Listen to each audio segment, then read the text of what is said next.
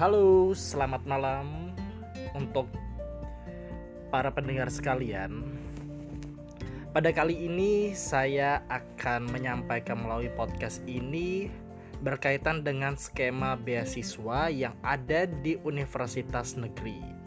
Ini bermanfaat sekali nanti ketika uh, kalian sebagai calon mahasiswa atau orang tua yang memiliki anak yang nanti akan mendaftarkan ke universitas negeri. Ini berdasarkan riset uh, atau pengamatan saya. Jadi saya di dalam rentang waktu selama 2013 sampai dengan 2017 itu sudah cukup banyak mengetahui tentang alur beasiswa yang ada di uh, universitas saya yaitu Universitas 11 Maret yang ada di Surakarta dan ini mungkin untuk universitas-universitas lain kurang lebih mungkin tidak terlalu jauh untuk cara kerja dan juga uh, pendaftarannya seperti itu. Nah, uh, ini saya kerucutkan untuk universitas negeri. Jadi seperti yang masuk melalui jalur SNMPTN, SBMPTN dan juga jalur ujian mandiri. Oke, uh, saya bacakan untuk rincian tema yang akan kita bahas pada malam hari ini. Jadi pertama uh, yang berkaitan dengan beasiswa tersebut yang akan kita bahas pada malam ini yaitu mengenai jenis-jenis beasiswa, terus kapan mendaftar beasiswa tersebut, lalu besaran nominal uang yang akan diterima beasiswa dan juga bagaimana mencari informasi untuk beasiswa tersebut. Saya mulai dari yang pertama tentang jenis-jenis beasiswa. Oke, pembahasan kali ini beasiswa yang akan saya maksudkan itu beasiswa yang berupa potongan biaya uang kuliah. Jadi untuk beasiswa lain seperti apa namanya dari uh, pertukaran pelajar itu tidak termasuk yang saya bahas di sini. Oke. Untuk jenis-jenis beasiswa. Jadi jenis beasiswa ini sebenarnya bisa digolongkan menjadi dua. Dua itu yaitu beasiswa full atau meliputi uh, uang kuliah, keseluruhan uang kuliah. Yang kedua apa namanya? Yang kedua itu parsial. Oke, untuk uang kuliah yang full jadi yang full ini saya contohkan seperti beasiswa bidik misi. Beasiswa bidik misi itu dia full mendanai seluruh uang kuliah. Oke.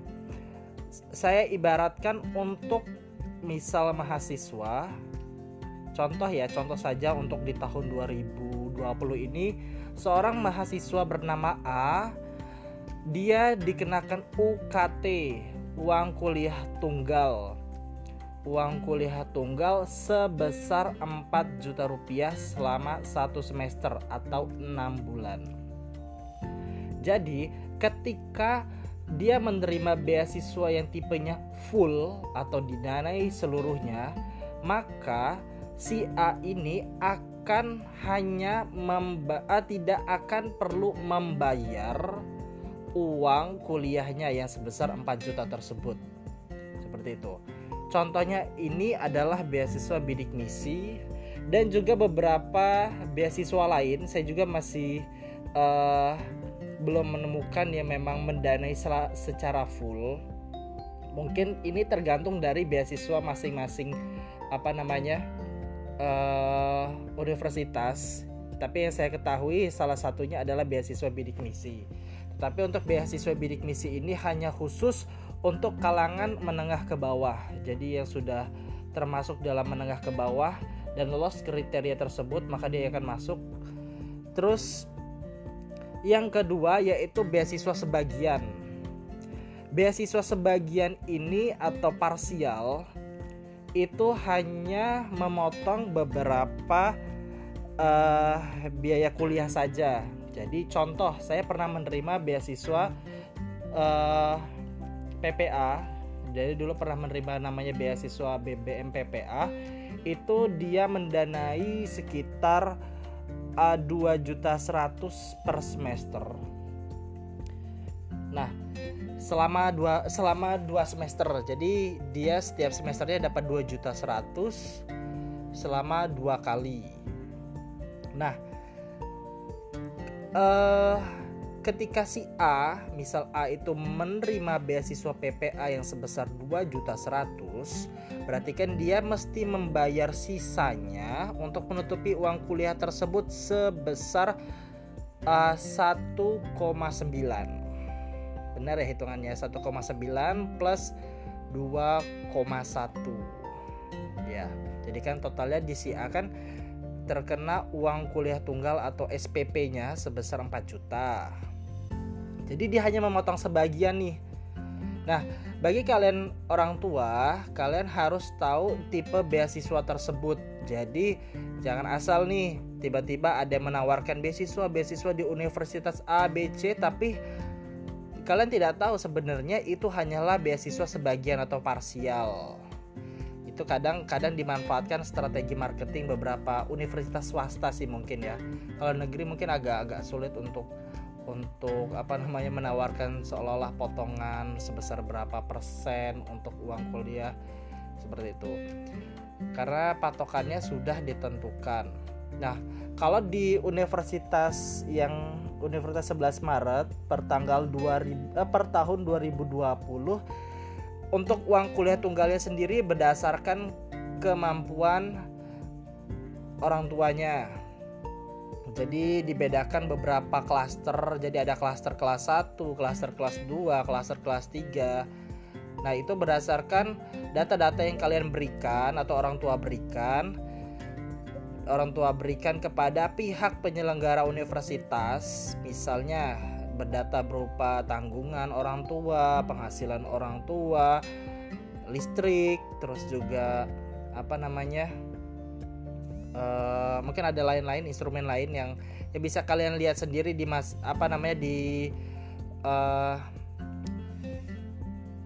di masing-masing apa namanya kalau setiap universitas itu ada situs untuk pendaftarannya jadi di situ ada Oke, jadi saya saya cuma menerangkan untuk bagian ini jenis-jenis beasiswa ada yang full, ada yang parsial. Tolong diamati karena ini nanti bisa kalian berdampak ke ke lama lah istilahnya lama ini. Karena kalau kalian ini menggunakan parsial berarti kan kalian harus membayar sebagiannya lagi. Misalnya si A tadi uang kuliah 4 juta.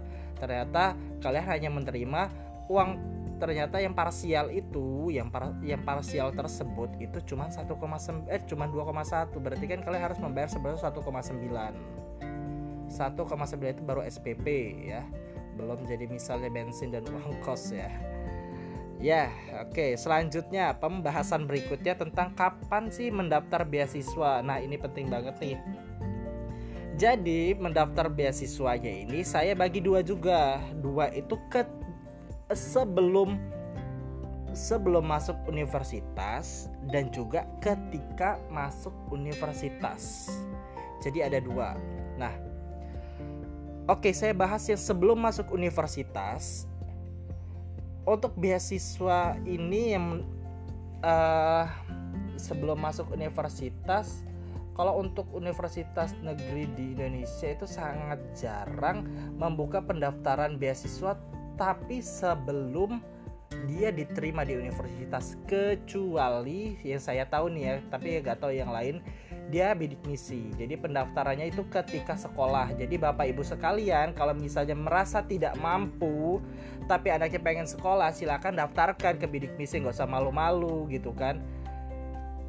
Jadi kalau memang anaknya pengen berkembang dan memang Bapak Ibu memang tidak mampu gitu kan, silakan daftarkan. Daftarkan apa sebelum apa namanya sebelum kuliah jadi daftar itu waktu SMA di kelas 3 biasanya guru BK-nya, guru BK-nya tahu. Jadi jadi harus harus prepare gitu kalau memang memang mau meniatkan anaknya itu daftar sekolah melalui beasiswa kalau memang tidak mampu gitu kan. Karena kita kan bisa mengkalkulasi penghasilan kita juga. Jadi jangan jangan hanya sekedar modal nekat aja gitu kan. Jadi perkirakan juga uh, biaya keuangan dari bapak ibu sekalian.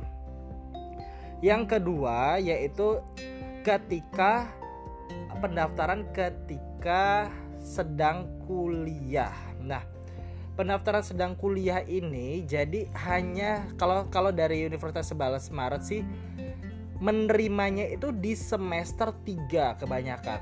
Jadi di semester 3 mendaftarnya di semester 1 atau 2, tapi kebanyakan di semester 2. Oke. Apa dampaknya kalau misalnya Bapak Ibu sekalian uh, mendaftarkannya itu bisanya di semester 2 dan menerima beasiswanya di semester 3 berarti selama 2 semester Bapak Ibu sekalian harus membayar uang kuliah tersebut. Seperti itu. Nah ketika untuk membayar uang tersebut uh, berarti kan di semester di, di semester ter, di semester ketiga jadi uh, misal nih Bapak Ibu sekalian anaknya menerima beasiswa full tapi kan menerimanya di semester 3 berarti Bapak Bapak Ibu sekalian harus menalangi selama bukan menalangi ya harus membayar memang. Harus membayar di semester 1 dan 2 misal anaknya itu UKT atau SPP-nya 4 juta berarti kan harus 8 juta dalam setahun itu. Seperti itu perhitungannya. Mohon Bapak Ibu sekalian uh, mengikuti uh, menelaah. Jadi uh, diperhatikan podcast ini dengan jelas-jelas ya. Jangan sampai lost. Kalau bisa ada pertanyaan bisa tanyakan ke Instagram saya. Di DM saja tidak apa-apa Jonathan Ceko. Ya di situ bisa nanti. Oke ke uh, tadi pembahasan berarti kan yang kapan mendaftar beasiswa. Sebelum itu ada yang sebelum ada yang ketika kuliah kalau misalnya sebelum itu waktu biasanya waktu sekolah. Jadi di semester 1 atau 2 di kelas 3 SMA atau SMK itu biasanya ada pendaftarannya. Tapi uh, beasiswanya itu paling hanya bidik misi terus beasiswa yang lain saya kurang tahu sih ya. Tapi rata-rata yang negeri itu sedikit sih untuk beasiswa pra atau sebelum diterima universitas. Terus yang berikutnya yaitu ketika berada di universitas. Ketika berada di universitas mendaftarnya itu di antara semester 1 atau 2 baru bisa menerima di semester 3 rata-rata. Jadi uh, semester 1 sama beasiswa di semester 1 sama 2 atau menerimanya di semester 1 atau 2 itu sangat jarang. Kecuali yang tadi, yang pra tadi, yang bidik misi tadi contohnya ya. Terus uh, besaran nominal uang beasiswa. Oh ya, untuk besaran nominal uang beasiswa ini kan bervariasi. Jadi bervariasi itu uh, tadi ini ini kalau untuk besaran beasiswa, jadi kalian bisa amati berapa besar penerimaannya. Kalau yang full tadi kan full ini sebenarnya masih ada lagi dibagi dua full saja atau full plus biaya hidup. Kalau full saja itu ya full uang kuliah, tapi kalau full plus apa namanya biaya hidup dan ini sangat jarang sih itu. Dan itu sangat jarang itu sebesar apa plus biaya hidup nanti ditentukan besarannya itu berapa. Nanti setiap bulan akan mendapatkan biaya, uang biaya hidup tersebut. Terus yang apa namanya kalau untuk yang yang ketika diterima di sekolah dan dan juga bentuknya parsial eh, parsial ya. Jadi tidak tidak tidak menyeluruh ataupun hanya beberapa periode. Jadi kan ada nih ketika kamu mendaftar beasiswa akan diberitahukan misalnya anda diterima beasiswa ada yang memberitahukan selama dua semester contoh ya ada yang ada yang dua semester di diakomodir sebesar uang beasiswa misalnya tadi misalnya 4 juta 200 gitu kan. Terus ada juga yang langsung sekali besar dan ada yang sampai 15 juta terus ada juga cuman yang nominalnya kalau di uh, kalau di 11 Maret sendiri beasiswanya untuk yang apa namanya atau dari pihak swasta itu agak agak sulit ya karena jumlah persaingannya itu cukup ketat itu yang dari pihak swasta itu agak cukup ketat. Dan ada juga yang sekali memberikan tadi kan ada yang 15 juta tapi itu hanya beberapa orang sih jadi saingannya satu universitas memang sih berdasarkan prestasi cuman kan ya berdasarkan realita juga. Jadi mau nggak mau kan tidak bisa menyeluruh kalian mengandalkan uang beasiswa kalau dengan cara seperti itu kan. Jadi untuk yang parsial ini besarannya bervariasi jadi ya diperhatikan juga kalau untuk yang parsial kalau bisa sih saya saran sih kalau memang termasuk keluarga yang tidak mampu memang paling nyaman itu untuk beasiswa bidik misi. Tapi untuk beasiswa parsial itu juga cukup membantu karena nanti akan ada potongan. Cuman memang persaingannya memang cukup luar biasa. Saya bilang cukup luar biasa karena nominalnya jauh lebih sedikit persaingannya sangat besar. Satu universitas bahkan bisa satu Indonesia. Jadi saya ingin menekankan di sini ya uh, memang biaya itu memang penting juga seperti itu. Uh, dan harus dipersiapkan juga. Jadi saya sih berharap orang tua juga tidak terlalu menekan anaknya juga untuk kamu harus begini dan harus begini harus begitu. Orang berusaha semaksimal mungkin. Karena kalaupun nanti tidak mendapatkan jalan yang bisa di apa namanya tidak bisa untuk meringankan biaya kuliah keseluruhan setidaknya ada yang meringankan tadi kayak beasiswa parsial seperti itu ya.